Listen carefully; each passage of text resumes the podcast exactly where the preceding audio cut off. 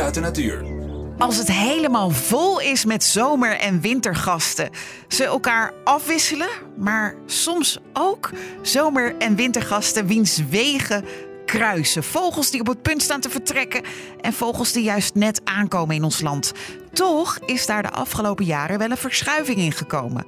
Kijk maar mee door de verrekijker van boswachter Jonathan. We staan in de Rottermeren, een natuur- en recreatiegebied aan de rand van Rotterdam. In groot nieuws uit de natuur, een doorkijkje naar de winter. Bontbekplevier lopen. Bontbekplevier is een steltloper. Nee, die komt echt helemaal eh, waarschijnlijk van eh, de toendra's in Noorwegen, Rusland. Waar moeten kijken precies? Even kijken hoor, als het goed is staat hij in beeld. Hij liep ver weg hoor. Even kijken of ik hem hier kan laten zien. Je moet nou in beeld kijken. Dan zie je een groepje eenden liggen. En daarachter zie je een vrij klein vogeltje lopen, iets hoger op zijn pootjes. Met een mooi, mooi zwart maskertje. Met oranje snaveltje. Zwart maskertje, mooie zwarte oogstreep. Dat is een bontbekpleviertje. Nou, ik zie hem zo niet, maar het, eh, Even kijken, want volgens mij zie ik hier een comeback-strand lopen. Ja, samen met twee bontbekplevieren loopt een comeback-strand lopen. En die zien we hier niet veel. wat, wat is dat voor vogeltje dan? Eh, nou, het is een- net zoals eh, het is een steltlopertje. Dus een vogeltje met vrij lange pootjes. En een lange, nou, de naam zegt al, kromme snavel. En die kromback-strandloper die loopt hier over het slik heen. En die pikt zo allerlei kleine beestjes ertussenuit. Ja, en dat is ook eentje die echt, eh, echt ver, eh, ver uit het noorden komt vlo- gevlogen. En eigenlijk enkele keren in de trektijd zien we die hier wel eens eentje lopen. Want het is voor je best een zeldzame vogel. Ah, mooi moment, mooi om dat zo te beleven. Hij loopt tussen twee van die bontbekplevieren.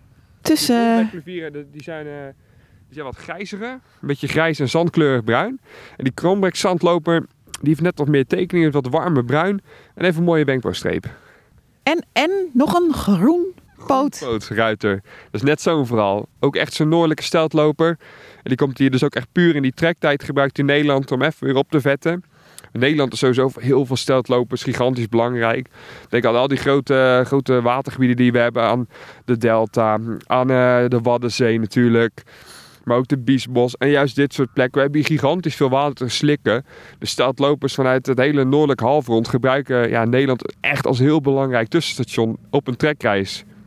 Een mooi voorbeeld is bijvoorbeeld de drieteenstrandloper. Nou, die is voornamelijk kan je die eh, langs onze kust vinden. Maar die vogel die kan helemaal eh, tot aan eh, Groenland, Siberië kan die broeden. En die overwintert helemaal in Afrika. Dus dat beest dat maakt echt een gigantische reis. En ook hier te vinden dus. Ja, meestal langs de kust, maar zo nu en dan zie ik ze hier ook als op die enigspoor lopen. Maar we hebben bijvoorbeeld hier ook een andere lopen, die zien we hiervoor over op die eilandjes. Dat zijn de kievieten. En die kievieten, dat vind ik zelf altijd wel hele slimme vogels. De kieviet die, eh, ik hoor trouwens een zwarte ruit te roepen. Ja. Nou, ook weer zo'n noordelijke. Maar die kievieten die zijn eigenlijk hartstikke slim. Want wat vond is een van de bekende weidevogels.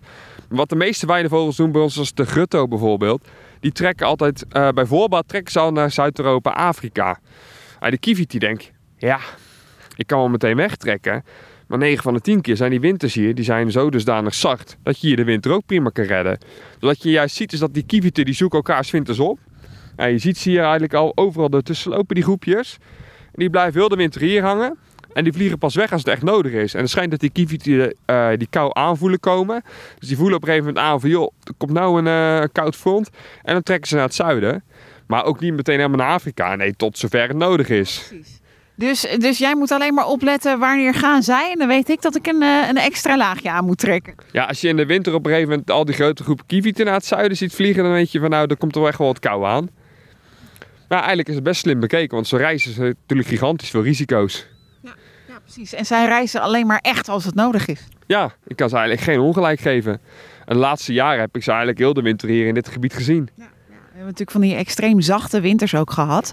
Is daar iets, iets over te zeggen? De voorspellingen over de herfst waren ook al. Nou ja, het, het, het heeft best wel geregeld. Dus zoals Ja. hier, het gras is ook wel weer groen. Eh, is er iets, iets zinnigs te zeggen over de winter? Nee, nou sowieso ben ik daar geen kenner van. Maar ik hoor iedere winter wordt me weer een horrorwinter voorspeld. Ja, misschien is het een beetje horror omdat er zo weinig sneeuw is en het weinig echt winter meer is. Maar nee, ik eh, durf er geen zinnig woord over te zeggen. Nee, nee. Maar wat het dan vervolgens weer doet met de vogelpopulatie, dat blijft natuurlijk wel heel interessant. Ja, wat je dus natuurlijk wel merkt, is dat steeds meer vogels dus hier daadwerkelijk blijven hangen. Dus bijvoorbeeld die jonge bruine kiekerdieven die steeds vaker blijven hangen. Die kievieten die hier blijven hangen. Maar je ziet ook juist dat hele noordelijke uh, die normaal eigenlijk hier kwamen overwinteren, die blijven nu vaak uh, in al in Denemarken hangen. Denk bijvoorbeeld aan veel ganzen, maar ook uh, de kleine zwaan. Het is echt een, ja, is een hele mooie wintergast. Echt, ja, dit is misschien wel mijn favoriete wintergast.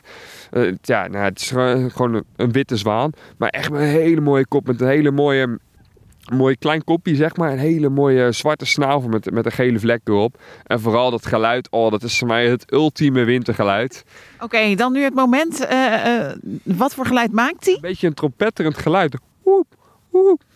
Ja, ik kan het helemaal niet eens. Nou, je moet het maar gewoon opzoeken. Ik doe, ik doe hem onrecht aan, dat geluid nu, met mijn imitatie.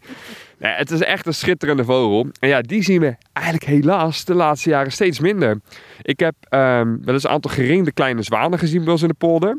Het leuke is dan, die hebben zo'n halsband met zo'n uh, kleur, uh, gekleurde halsband met de code erop.